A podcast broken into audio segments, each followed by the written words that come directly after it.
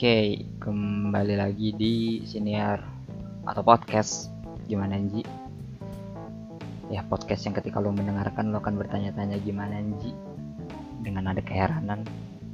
Iya. Tiga episode openingnya tidak jelas. Nggak tahu gue nggak nemu gimana cara ngebuka yang lebih bagus lah. Jadi ya udah, yang ada aja dulu ya. Kalau ada ya nanti yang mendingan gue pakai. Um, ini gue record 7.40 di hari Senin tanggal 30 Agustus. Dan ini bertujuan sebagai episode ketiga sekaligus menutup seri video konten kreator sebuah pelatihan dari DTS tematik akademi yang berafiliasi atau bekerja sama dengan Avion Creator School. Ini adalah episode ketiganya ya. Sebenarnya rencana awalnya gua mau buat ini tuh beruntun gitu. 1 2 3 4 5. Cuma di hari ketiga yaitu hari produksi sudah banyak tugas tentu udah record dan lain-lain jadi waktunya nggak ada. Waktunya nggak ada jadi gue nggak sempet record. Dan empat juga lumayan hektik. Lima agak males buat ngelanjutin episode 3 selanjutnya selanjutnya selanjutnya selanjutnya selanjutnya sampai graduation. Saya belum update episode ketiga. Jadi ya ini akan gue rangkum aja dari day 3 sampai ke graduation atau hari kelulusan gue nggak tahu akan berapa lama. Jadi ya udahlah. Sejam sejam udah bodo amat. Uh, oke. Okay. um, seperti dua episode sebelumnya ya. Kalau lo belum dengerin dengerin aja dulu.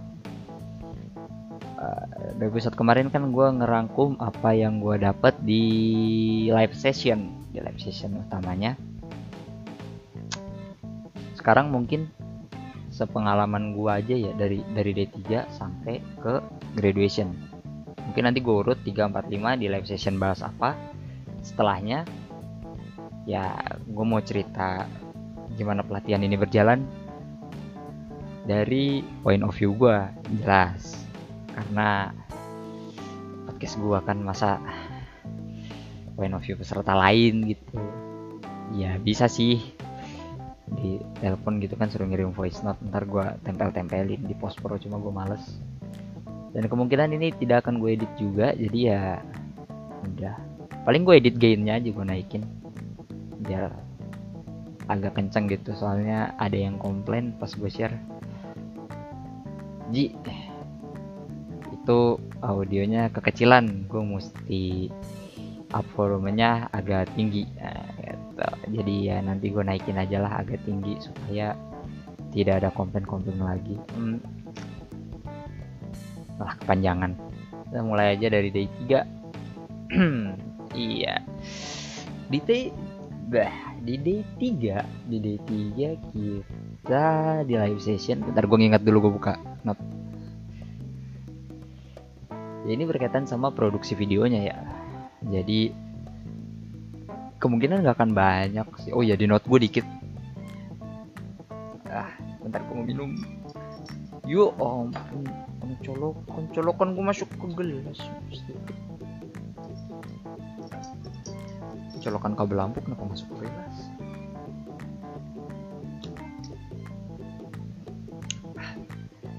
Ya uh, di sini notnya gue nggak gitu banyak karena produksi kan yang dikasih tahu. Seingat gue ya, di live session yang dikasih tahu tuh cuma alat apa aja yang dipakai baik hardware maupun software. Kalau kalian nggak ngerti bahasa Inggris perangkat keras dan perangkat lunaknya itu alat ataupun aplikasi yang digunakan alat maupun aplikasi yang digunakan. Terus um, angle angle ada materi angle atau kalau kalian nggak ngerti angle itu sudut pengambilan gambar sama pergerakan kamera atau camera movement. Nah, pada bagian alat dan apa namanya alat dan software itu kali ya. Nggak ada hardware dan software. Nggak enak juga alat dan aplikasi ya alat dan aplikasi yang digunakan. Di sini dikasih list dan tidak terbatas pada ini saja. Tentunya ada smartphone atau mirrorless kamera. Tidak harus kalau lu punya DSLR yang biasa ya DSLR gitu nggak apa-apa. Pakai aja. Smartphone kamera juga oke. okay. Kecuali kalau smartphone anda sudah tidak begitu smart di zamannya sebaiknya jangan karena kita tahu sendiri kamera-kamera dari handphone lama itu resolusinya terlalu rendah dan kerapatan pikselnya terlalu kentang gitu. Sebaiknya tidak. Ya mungkin kalau mau bikin konten dengan spek segitu gitu ya kalau bisa menarik gitu ya nggak apa-apa juga sih. Ya pokoknya itu terus ada aplikasi yang digunakan Cinema FV5 MX dan Filmic. Ini seingat gua ini aplikasi buat apa buat nge-unlock fitur pro kameranya gitu. Jadi kayak misalnya kamera bawaan lu nggak ada pro nya ya buat setting shutter dan lain-lain. Ya kayak shutter um, ISO white balance kayak gitu-gitu atau exposure eh, exposure kalau nggak ada dia fitur-fitur kameranya tuh bisa di unlock pakai aplikasi yang sudah saya sebutkan sebelumnya gitu. Um, tapi kalau udah ada ya nggak usah juga sih buat apa gitu kan. ya cuma boleh dicobalah gitu. Apakah akan ada bedanya atau tidak? Hmm, terus kembali ke alat lagi uh, tripod. Bisa boleh pakai tripod monopod boleh. Pakai apa ya? Yaitu pokoknya kaki-kaki untuk menahan si handphone dan atau kamera. Ya kecuali lu punya slave. Enggak enggak. Kecuali lu punya temen buat megang kamera lu gitu ya nggak perlu.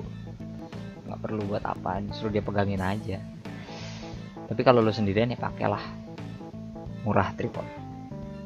Um, holder. Pakai holder di tripod jelas karena uh, kalau misalnya lu punya tripod buat kamera kan lu nggak bisa naro HP ya ya kan jadi lu butuh holder buat dipasang ke apa tuh namanya mountingan tripodnya gitu. Ya ngerti ya? Ngerti dong. Kemudian ada lighting. Lighting ini jadi gue agak lupa. Ini diajarin three point lighting nggak ya di sini? Oke diajarin dari sini jadi three point lighting itu kayak um, tiga arah cahaya gitu. Nggak sebenarnya ada ada dua dulu sumbernya. Yang pertama natural lighting itu cahaya matahari. Sumbernya natural dari alam. Dan yang kedua itu um, buatan. Nah yang buatan ini kita dapatkan dari betul sekali lampu. Nah ada yang namanya three point lighting dalam ilmu lighting. Gitu. yang pertama adalah cahaya utama dengan intensitas yang paling tinggi disebut sebagai key light. Ya key light. Terus ada fill light buat mengurangi mengurangi bayangan pada sisi wajah yang lain. Itu jadi memberikan sedikit cahaya agar tidak terlalu kontras di bagian wajah cahayanya. Jadi sedikit lebih merata gitu walaupun ada apa namanya perbedaan gradasi gitu dari yang terang ke lebih gelap cuma nggak terlalu gelap gitu sisi sebelahnya terus ada rim light atau backlight atau kicker light. Jujur gue nggak tahu bedanya apa tapi yang gue tahu sih itu bagian belakangnya buat misahin buat misahin apa lagi apa tuh namanya buat misahin objek. Objek atau subjek yang bener ya? Objek ya atau orang yang di depan frame gitu objek utamanya ya yang di frame sama background gitu. Gitu kayaknya ya. Ya udah buat yang dengar kalau gue salah nerangin ralat aja nggak apa-apa lah. Ya DM gitu DM IG terus uh, terakhir alat yang dibutuhkan adalah audio microphone. Ini bisa pakai lavalier atau pakai condenser atau pakai apa namanya kalau lo punya kamera terus nggak punya mic terus kayak kalau kameranya jauh audionya mendem gitu atau jauh banget ya rasanya pakai mikrofon bawaan HP juga bisa. Pegang gitu. Ya banyak lah. Banyak jalan menuju Roma. Roma Irama. Stupid stupid. Serk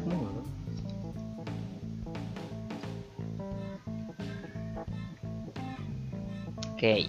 hmm. terus kita beralih ke angle atau sudut pengambilan gambar. Di sudut pengambilan gambar itu ada berapa nih? Dari yang gue dapat terus tuh dua tiga empat lima. Ada lima dari yang paling tinggi. Ada bird eye. Bird eye itu biasa pakai drone. Ya pakai drone atau kalau mungkin kalau dulu pakai helikopter gitu kali ya. Ambil gitu atau pakai flying fox nggak tahu lah. Terus high angle. High angle lebih tinggi dari atas kepala. Um, eye level setara dengan mata. Low angle lebih rendah dari mata gitu. Jadi ngelihatnya ngedangak gitu. Kayak orang pendek ngelihat ke orang tinggi gitu ngedangak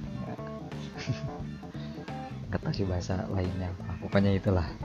Terus frog eye yang paling bawah dia itu di ya frog eye gitu kayak mata katak dari bawah gitu objek terlihat lebih besar dan lebih luas viewnya gitu. Oke segitu aja lah kamera angle gue nggak bisa jelasin lebih banyak. Pokoknya itulah ya sesuai nama aja gitu.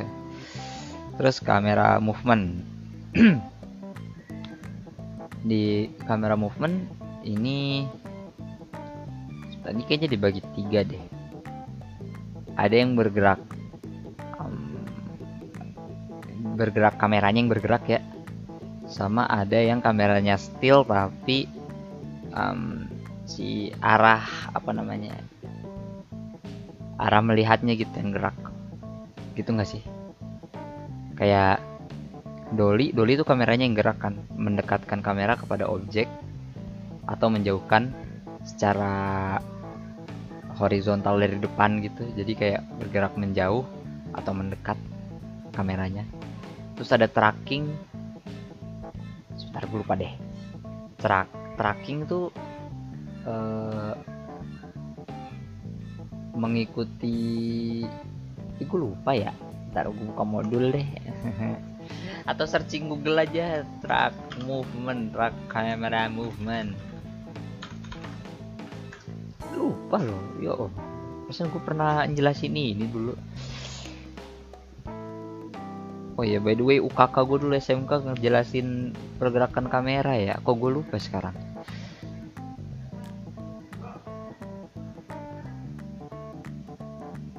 Okay, track track shot. Um, with the entire camera move left or right along the track. Oke okay, jadi dia kayak ada tracknya gitu. Uh, si si kameranya itu bergerak ke kiri ataupun ke kanan mengikuti objek bergerak gitu. Atau mungkin ya kayak nge-shot gitu nggak perlu ngikutin ya. Pokoknya gitulah ya tracking itu itu ke kiri atau ke kanan. Habis strike ada pedestal. Nah pedestal ini vertikal ya jadi dari atas ke bawah geraknya. Um, possible pakai drone eh pakai drone pakai tripod kayaknya. Atau kan tripod ada yang buat dinaikin kalau tripodnya kuat mah mungkin bisa mungkin enggak nggak tahu juga. Kayaknya dulu gue nggak ngejelasin uh, ke destal karena agak susah untuk dipraktekkan dengan handheld pasti goyang gitu. Um, ya itulah. Jadi nyampe mana? Pedestal ya. Oke terus gue terak apa pedestal sih jelasinnya? Udah lanjut aja lah. Um, panning panning tuh. Jadi um, si arah ngambil gambarnya yang bergerak ya dari kiri ke kanan ataupun dari kanan ke kiri tapi kameranya still diem. Di tempat. Jadi kayak apa namanya kayak kepala lu nengok dari kiri ke kanan gitu. Nah itu tuh itu panning terus tilting itu dari atas ke bawah sama pergerakannya jadi menggerakkan arah arah pengambilan gambarnya gitu. Kayak kepala lu naik turun gitu. Nah itu tilting tuh naik turun. Kameranya tetap tapi dia sudut ngambil gambarnya yang berubah. Dan roll. Roll itu kameranya muter sesuai nama roll ya. Jadi kameranya diputar kayak lu kayak pernah lihat TikTok TikTok yang bikin apa sih namanya? Transisi transisi gitu. Nah kan ada tuh yang kayak kamera diputer nah itu roll tuh. Sampai sekarang gue nggak tahu dipakainya buat apa. Oke okay. D4 masih ini juga masih teknis teknis banget ngedit. Ini langsung masuk post pro ya. Jadi pergerakan pelatihannya tuh sangat cepat gitu. Dari lima hari hari pertama dia mengenal prinsip-prinsip hari kedua pasca eh pasca pra produksi idea creation gitu. Uh, nyusun storyboard dan lain-lain. Day 2 itu lang eh day 3 produksi record yang yang sudah direncanakan di storyboard dan apa namanya pemikiran ide konten. Terus di D4 itu langsung edit jadi pergerakan pelatihannya sangat cepat. Tapi seinget gua tuh hari Sabtu kayaknya tugas tugas yang apa namanya tugas video pertamanya gitu itu baru hari Sabtu dikumpulin. Jadi secara time secara timeline pelatihannya cepat tapi masih ada jeda sehari dua hari lah buat ngerjain tugas gitu. Tinggal pilihan peserta pelatihannya aja yang mau ngerjain. Um, agak lama di mikirin konsep atau agak lama di ngedit atau agak lama diproduksi ngambil videonya gitu. Ya pokoknya gitulah ya. Kembali lagi ke kembali lagi ke note saya di hari keempat. Sangat sedikit ya karena di sini cuma ngedit kan. Maksud gue ini tuh teknis gitu. Nggak nggak perlu dicatat per poin. Kita kan kayak ngeliatin tutorial ya kalau ngeliatin pelatihan ngedit nah ya udah ngeliat terus oh ini kayak gini ini kayak gini tiruin gitu udah. Tapi ya udahlah gue bacain aja note gue ya ini tentang Laras.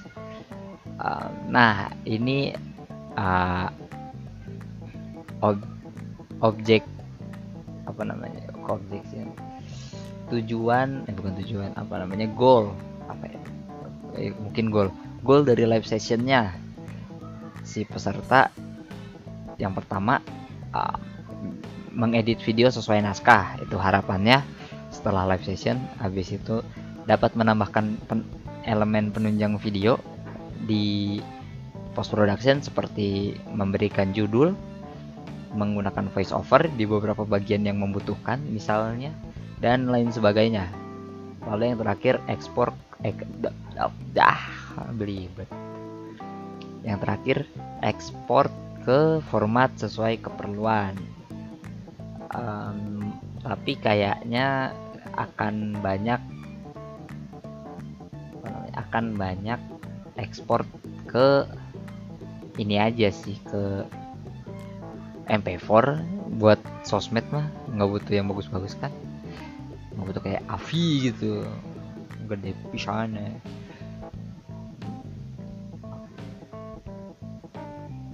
Paling gitu sih. Nah terus abis itu ada skill dasar dalam video editing dan ini uh, buat contoh aja karena semua apa karena pelatihannya harapannya mungkin dijangkau untuk banyak orang jadi basisnya pakai HP gitu kan buat ngedit. Jadi software rujukannya adalah KineMaster. Ya KineMaster standar sih lah ya banyak yang pakai kan. Regardless bajakan atau enggak. Cuma tetap banyak yang pakai KineMaster jadi wah, ya memenuhi kebutuhan pasar lah gitu. Jadi pelatihannya masuk gitu. Dan juga kayaknya buat basic cutting masih agak sama lah ya beda-beda dikit lah ke software divisi uh, pertama skill dasar satu dari video editing di KineMaster. Pertama lo buka softwarenya jelas buka aplikasinya terus create new masukin video terus di cut masukin transition. Selesai itu skill dasar pertama. Uh, karena ini formatnya audio gue nggak bisa mencontohkan jadi kalian coba sendiri aja. Atau cari tutorial lah di YouTube gitu gue cuma nge-share pengalaman pelatihannya um, skill dasar kedua itu ngasih still text dan memberikan animasi. Uh, memberikan animasi ini kayak mungkin mainin keyframe ya. Dan dari praktek yang gue lakukan gue mainin keyframe kayak masukin gambar terus swing dari bawah ke atas gitu. Merubah posisi dan scale. Itu itu yang paling standar tuh animasi merubah posisi dan scale terus picture in picture artinya menambahkan layer di dalam video dan memasukkan foto atau video ke dalam layer tersebut gitu. Jadi uh, kayak apa contoh paling mudah PIP itu video call. Video call itu paling gampang. Jadi lu ngeliat kan lawan bicara lu tuh di satu layar penuh dan lu kecil gitu di atas.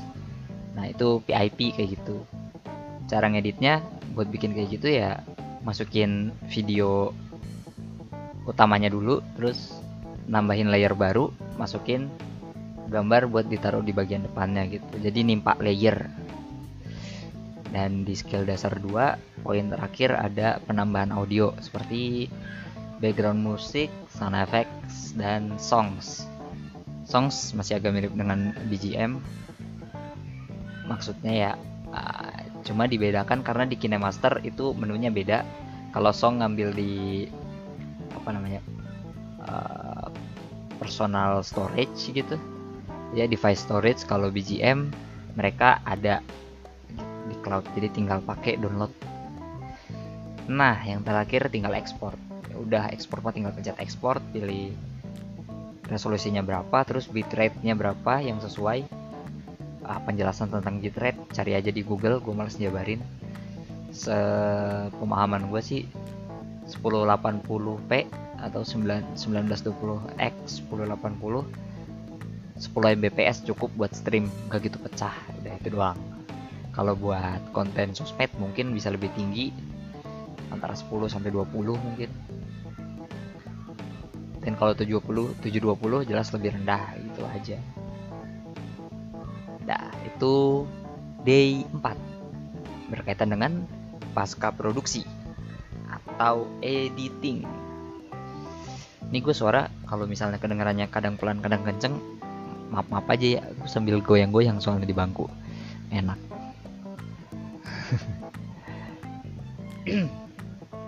Ya ini terakhir day 5 day 5 tuh day 5 tuh apa ya?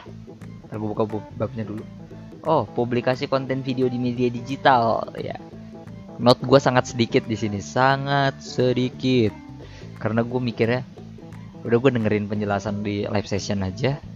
Terus sebenarnya dikasih modul di tiap bab tiap live session dikasih modul. Uh, untuk beberapa hari sebelumnya gue nyatet karena gue niat. Setelahnya saya tahu ada modul. Saya tidak catat. Saya berpikir akan saya baca modulnya. Saya baca sekarang. Pas lagi butuh aja. Kalau udah ke sananya makan nggak akan dibaca ya. Oke di note cuma ada upload. Habis itu menggunakan digital tools untuk naikin engagement dan page view. Digital tools berkaitan dengan penambahan tag yang apa namanya ya, yang recommended itu atau suggest keyword buat di tags berdasarkan analisa ranking dan lain-lain oleh si digital tools itu sendiri. Nah, habis itu ada digital tools buat nganalisis. ini kaitannya sama view um, SEO rate dan lain-lain jadi ada tiga digital tools yang bisa digunakan yang satu itu punya YouTube YouTube Studio dan itu lu bisa akses kalau mau lihat ya bisa akses di bagian channel lu terus Creator Studio seingat gua. Iya Creator Studio diklik gitu. Atau bisa install uh, apa namanya? Yang kayak puzzle logonya apa namanya? Extension ya extension. Bisa pasang extension TubeBuddy T U B E B A D D Y atau teman nge YouTube eh, TubeBuddy kan. Dan Video IQ Feed IQ F I D IQ nah itu adalah digital tools buat dipakai uh, naikin engagement dan view berdasarkan dengan SEO search engine optimizer keyword-keyword dan sebagainya gitu suggestion. Dan buat nge-analisis dilihat dari uh, performa dari videonya sendiri kayak berapa banyak view berapa banyak like komen. Komen itu enggak sih? Berapa banyak like setahu persentase like dislike uh, engagement and so on lah banyak gitu. Ya itu aja sampai day 5 nah itu kalau digabung dengan dua episode sebelumnya sudah um, sudah merangkum seluruh kegiatan live session di lima hari pelatihan video konten kreator. Nah, sekarang gue nggak tahu ini mau gue lanjut nggak ya. Tapi gue nggak males. Gue juga nggak nyatet apa-apa kan karena nggak ada kebutuhan untuk nyatat di di hari-hari setelahnya setelah setelah pelatihan kan ada tugas apa ada pembuatan tugas akhir video kelas tugas akhir individu sama satu tugas di hari kelima yaitu tugas buat video perkenalan ya. video perkenalan ini adalah bentuk implementasi pertama dari penggabungan ke lima hari itu lima hari pelatihan setelahnya ada implementasi menjadi tugas akhir video individu dan tugas akhir video kelas. Nah, kelas ini adalah bentuk kolaborasi gitu dari tiap-tiap konten kreator di dalam satu kelas gitu. Itu tujuannya kolaborasi. Nah,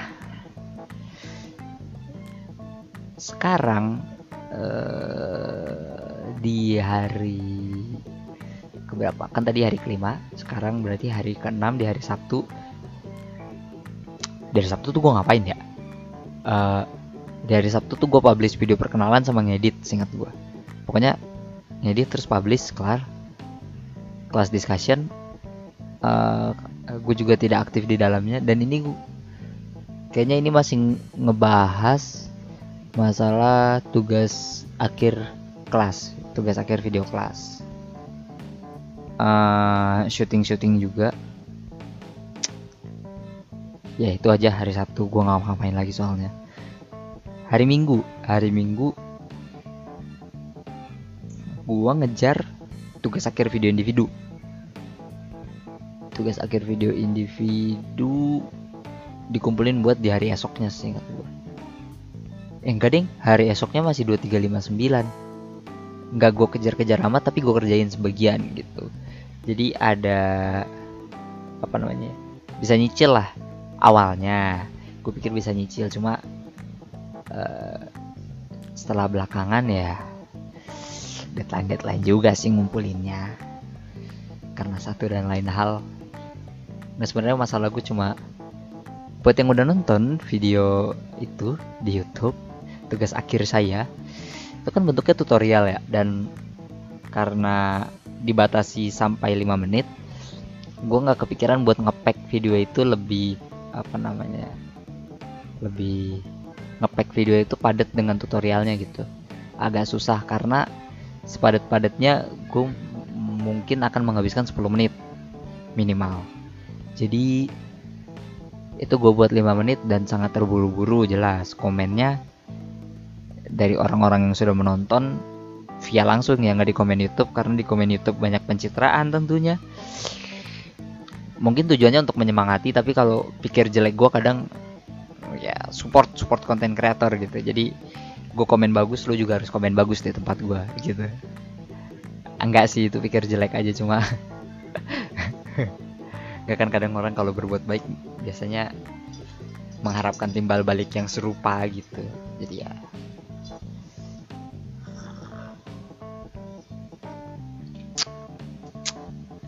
hak gue dong berpikir seperti itu.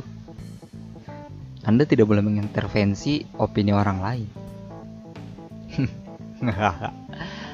uh, ya itu di hari Sabtu gitu aja. Uh, terus apa lagi ya? itu baru minggu kemarin gue udah lupa kelakuan kelakuan kebanyakan main Valorant ya Ih, ntar gue inget-inget dulu oh iya masih ngebahas video kelas juga udah syuting beberapa beberapa scene singkat gue uh, tapi ini yang lucu ya um, fun fact aja video kelas itu mengalami beberapa perubahan konsep sepanjang perjalanan pelatihan gitu. Uh, dari yang gue inget antara hari ketiga atau hari keempat itu udah ada pembahasan pembahasan tentang kan tema udah ada ya tema tuh udah dikasih kayak per kelas tuh beda gitu. Nah terus untuk konsep videonya udah dibikin nih udah udah mulai ngelis. Kayaknya mau bikin video yang tipenya gini tipenya gitu. Terus udah ada ngelis um, kira-kira poin-poin apa aja nih yang berkaitan dengan ini gitu. Udah mulai brainstorming gitu. Nah terus ada banyak listnya yang bisa digunakan. Uh, tapi dalam pemikiran konsepnya ya karena banyak kepala kan jadi banyak opini. Yang pertama masuk video tentang A gitu. Tema tema konsepnya A. Terus berubah lagi di diskusi setelahnya jadi B gitu di hari yang berbeda. Sampai mepet-mepet banget ke deadline. Itu berubah lagi gitu. Akhirnya uh, akhirnya berhenti di konsep terakhir karena semuanya tertarik gitu. Ini konsep yang agak berbeda nih. Uh, mungkin karena apa namanya di batch-batch sebelumnya dan di kelas lain kayaknya nggak ada ngambil konsep dengan genre seperti ini gitu. Jadi kayaknya it's worth to try lah. Kira mencoba untuk membuat yang seperti itu dan ini sudut pandang gue aja gitu karena saya tidak ada kontribusinya juga sedikit. Saya cuma mengamati teman-teman berkarya. Gue kadang cekakak cekikik doang kalau di facecam uh, ya gitulah paling. Sampai ke tugas akhir video kelas yang akhirnya selesai juga dengan konsep yang akhir. Dan jadinya tuh keren sih maksud gua gua nggak expect kelihatannya segitu gitu. Cuma kalau dibilang kurang ya jelas dari segi production pasti kurang kurang sih jelas lah. Karena mengingat waktu gitu jadi itu kan cepet banget waktunya ya. Dan keterbatasan tenaga SDM udah tenaga SBD udah tenaga SDM lagi juga eh, apa namanya ya ini sih pematangan konsep aja sih. Kemungkinan kalau konsep yang digunakan di akhir matang pada pembicaraan konsep pertama bisa jadi waktunya kan sedikit lebih panjang dan lebih banyak waktu yang digunakan buat produksi dan pasca produksi gitu. Cuma hasilnya tetap oke okay sih keren keren.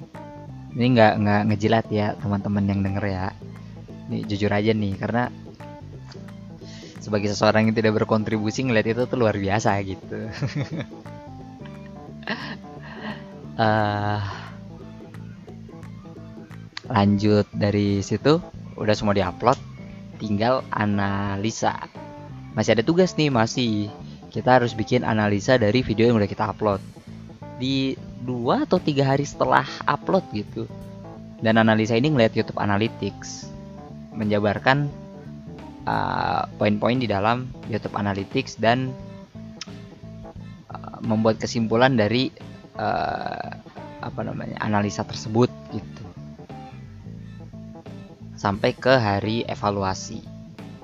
Hari, evalu hari evaluasi itu seminggu tepatnya 8 hari setelah hari terakhir live session. Kan dari Jumat terakhir tuh. Sabtu, Minggu, Senin, Selasa, Rabu, Kamis, Jumat, Sabtu 8 hari. Di hari evaluasi ini beberapa atau ya mayoritas lah mayoritas peserta itu diminta untuk mempresentasikan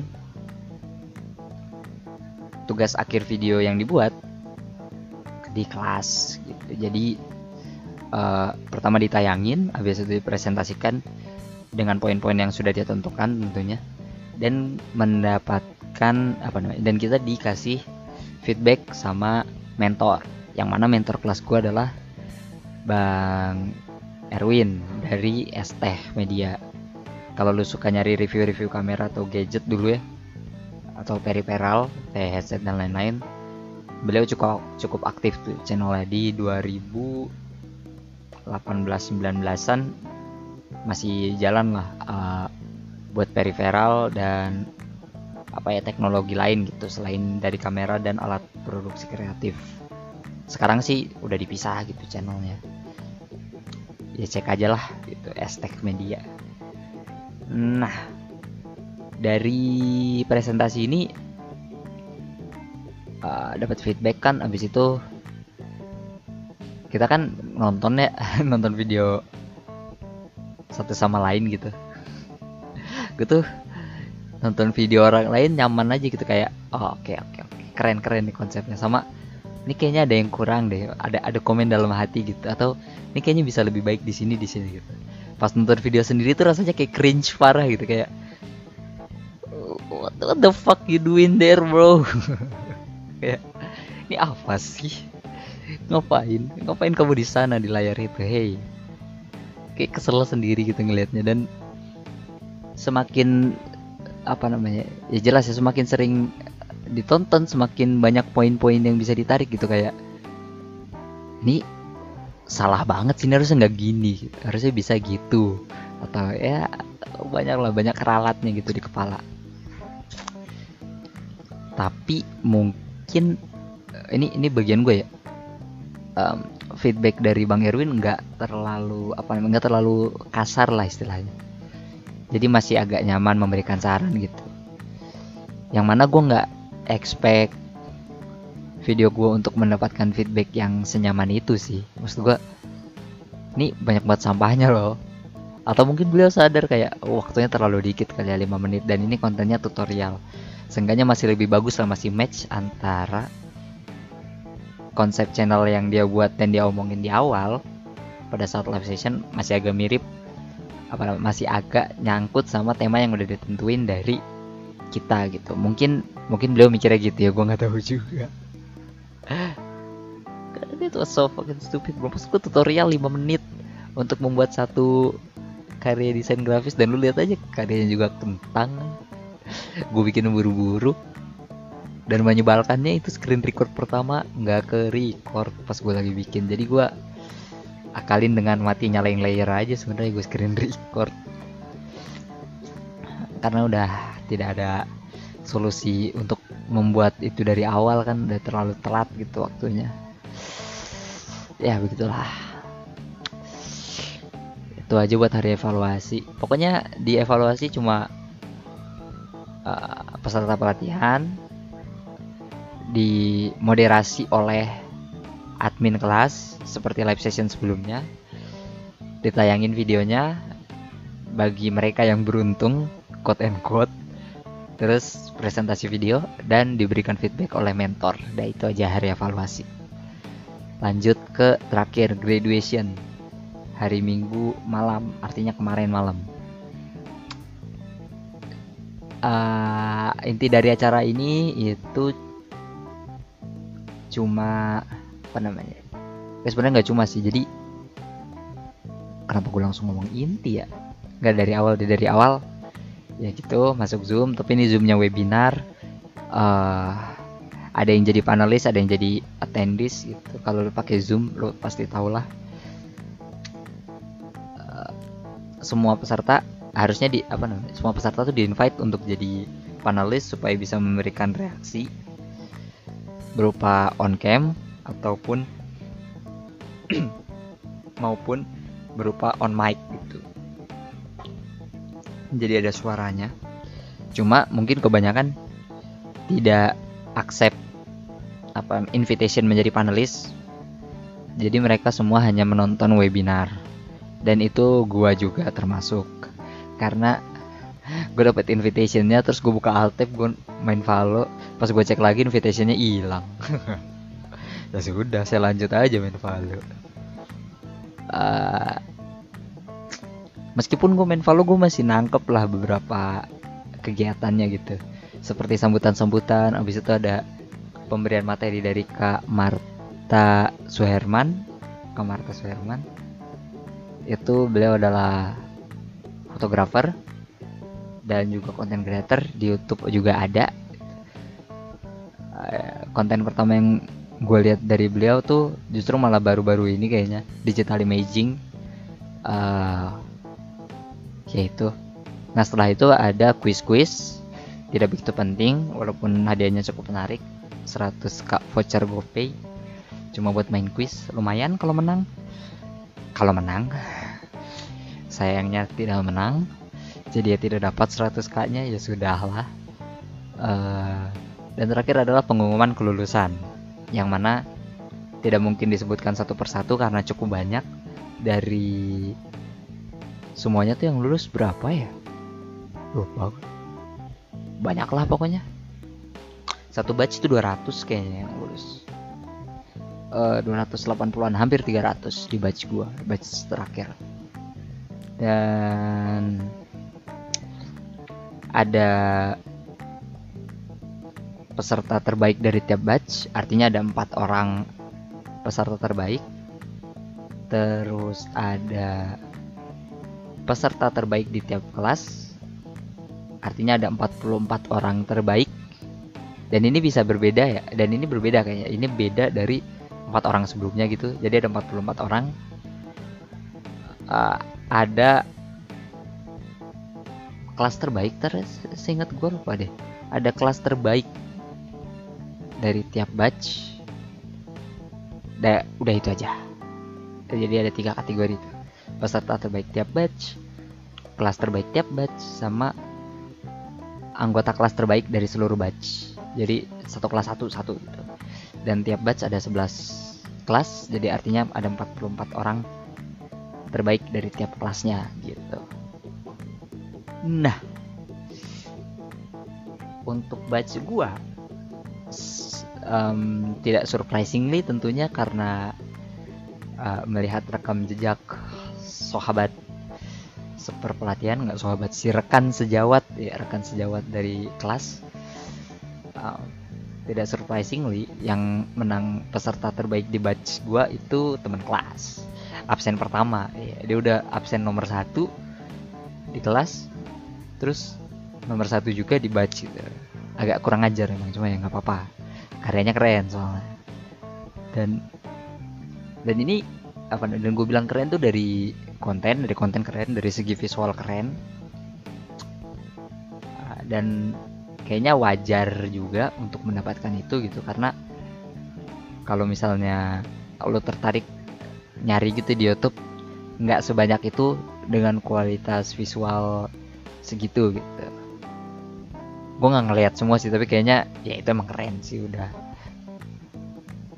Setup studionya juga agak lumayan soalnya dia agak ngebongkar studionya kan dengan curhat gitu Mas Hafiz.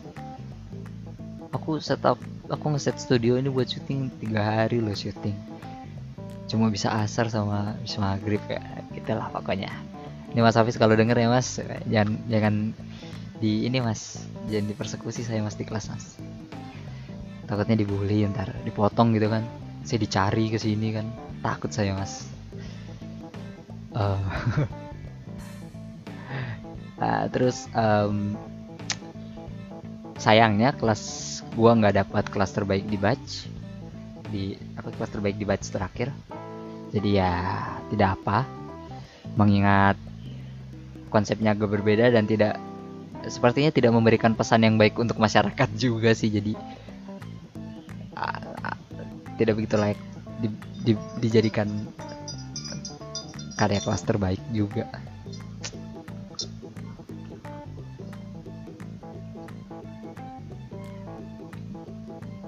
Dan untuk um, peserta terbaik di kelasnya uh, sudah jelas bukan saya saya tidak akan mungkin dapat karena satu malas join kelas discussion. Hanya numpang ketawa aja dua. Hmm, pembentukan kontennya juga masih agak kentang gitu. Gua nggak expect apa-apa juga. Karena goal saya hanya ikut dapat insight baru mungkin dapat link dan juga tentu saja 150 k pulsa dan sertifikat. Iya itu aja ya gue pikir gue bakal habis sejam lebih. Ternyata cuma sampai sekarang 46 menitan ya. Ya 46 menit 20 9 30 ya 30 detik sekarang. Uh, ya itu aja lah buat rangkuman VCC dari day 3 sampai graduation.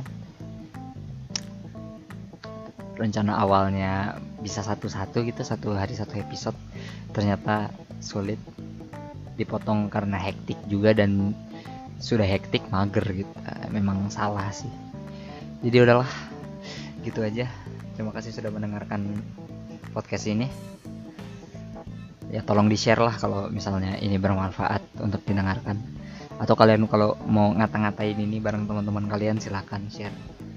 Apa-apa. maksud gue fame is fame gitu. Mau buruk ataupun tidak fame is fame. Jadi ya udah. Sebarin ke teman-teman kalian semua. Goodbye. Dadah. Gue mau stop dulu recordingnya. Ya